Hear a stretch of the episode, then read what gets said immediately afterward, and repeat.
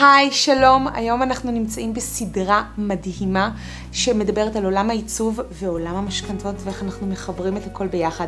נמצא איתי כאן מאיר וידר מווידר משכנתאות. אנחנו הולכים uh, לדבר קצת, אבל לפני זה ספר לי קצת על עצמך. היי, אני היי. מאיר מווידר משכנתאות, מנכ"ל של וידר משכנתאות. מנהל את החברה כבר משנת 2008. החברה ליוותה למעלה מ-2,500 תיקי משכנתאות עד היום. ליווינו קבוצות רכישה, פרויקטים, הרחבות בנייה, ומעבר לזה אני גם מרצה למשכנתאות באוניברסיטת תל אביב. או-אה, זה רציני. אני רק רחל ואדריכלית. בוא נסגור את זה בזה. ספר לי קצת ככה, איך אני יכולה להשיג שלוש, שלוש עקרונות ממש חשובים לאיך להתחיל ממשכנתה. זה עולם שלם, זה, זה לגמרי עולם שלם, והדבר הראשון שאנחנו צריכים להתחיל ממנו, זה קודם כל הגדרת תקציב. אנחנו צריכים מבחינה כלכלית לראות כמה משכנתה אנחנו יכולים לקחת. אוקיי. Okay. ואיך אנחנו בעצם מבררים את זה? Mm-hmm. אנחנו בודקים את רמת ההכנסות ורמת ההוצאות של נוטל המשכנתה, ולפי זה אנחנו יכולים לקבל החלטה איזה תקציב מימון אנחנו יכולים לקחת לטובת עיצוב ושיפוט של הבית. אז זאת אומרת שאתה מסתכל על משכנתה בעצם על אה, מה אני מכניסה כל חודש, מה אני מוציאה כל חודש. מה אני מוציא כל חודש. ואז בסוף, איך אני יכולה לפרוס את זה ולכמה שנים יהיה לי הכי נוח? לגמרי. וככה בעצם אני יכול לאחר מכן גם לחבר את כל העולם הזה ולעצב אותו בצורה נכונה על ידי מכרז מקיף מול הבנקים והשגת התנאים הטובים ביותר. שזה מוביל אותי דווקא לעיקרון השלישי שדיברנו עליו, על זה שאנחנו בעצם צריכים לעשות סוג של... אופטימיזציה. אופטימיזציה. לגמרי. בדיקת מחירים, כאילו הצעות מחיר, אתה רציני? לגמרי. היום אנשים בעצם הולכים לבנק ומקבלים הצעת מחיר, מה שהבנק בעצם נותן. אוקיי. במקום לעשות את הפעולה ההפוכה, של לנהל משא ומתן מול הבנק, ובאמת להוריד את הבנק מבחינת ריביות ומבחינת עמלות, כי יש שם המון כסף. אני יכול להגיד לך שמדובר במקרים מסוימים בעשרות ואפילו מאות אלפי שקלים. לא נכון. מאיר, אני מתקשרת עכשיו לבנק. חייבים עכשיו. להתקשר עכשיו לבנק.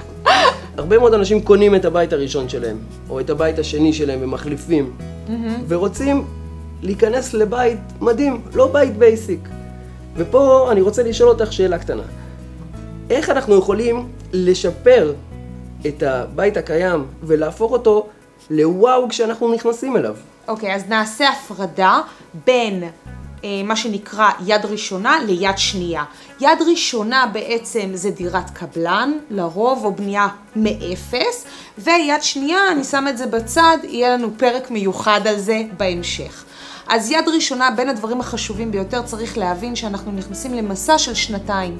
אם אנחנו רוצים לחסוך כ-30 עד 45 אחוז מעלות השיפוץ כביכול ותהליך הבנייה אל מול הקבלן והדיאלוג אל מול תהליך הקבלן, אנחנו צריכים בעצם להתקשר לקבלן, לקבל את התוכנית עוד ברגע שאנחנו חותמים איתו את החוזה. קודם כל, לפני הכל, תוכנית. מה שצריך לעשות זה לבנות תוכנית מתאימה נכון. בעבור הרוכש. נכון, לצרכים האישיים שלי, כמה ילדים יש לי, יש לי כלב, יש לי חתול, אני מתכנן לגור שם 20 שנה, 30 שנה, 10 שנים. איך השפעת הילדים משפיעה על התכנון של הבית? ילד בממוצע עד גיל 7 זקוק למרחב מחיה נתון X. כלומר, הוא צריך יותר דברים ברמה נמוכה, אה, עד גובה מטר עשרים, מטר שלושים, אה, ההתנהלות שלו היא התנהלות חווייתית אחרת, ומגיל שבע, שמונה, ההתנהלות עד גיל ארבע עשרה, שבע עשרה, שהם הופכים להיות ממש עצמאיים, היא התנהלות אחרת, עם מיטה אחרת, עם קונסטלציה של אחסון אחר. מה יותר כדאי להשקיע אם כבר יש לי תקציב מוגבל? אני תמיד אומרת לרוב הלקוחות שלי, איך אני יכולה לשפר לך את רמת החיים אם יש לך שני ילדים ואתה חושב על שלישי, או יש לך ילד אחד ואתה מתכנן על עוד ילד, איך אתה יכול לעגן שני ילדים בחדר אחד, או לחילופין להפוך חדר אחד, הממ"ד אולי, לפינת משחקים קבועה. ואז בהמרה לזה, כלומר להחליף חלק מהיחידות האחסון למיטה, והופ, יש לך שני חדרים. לגמרי. מצוין. מאיר, תודה רבה על הטיפים ועל המשכנתה, ועכשיו אנחנו יכולים להתחיל באמת להיכנס לעניינים. איזה כיף שהיית איתי היום. לגמרי. עד כאן הטיפים שלנו להיום. חפשו את וידר משכנתאות בגוגל ואותי, רחל ורשבסקי, גם בגוגל. הצטרפו אלינו לפרק הבא של עולם המשכנתה, שלושת הגורמים הכי חשובים לחסוך במשכנתה שלכם.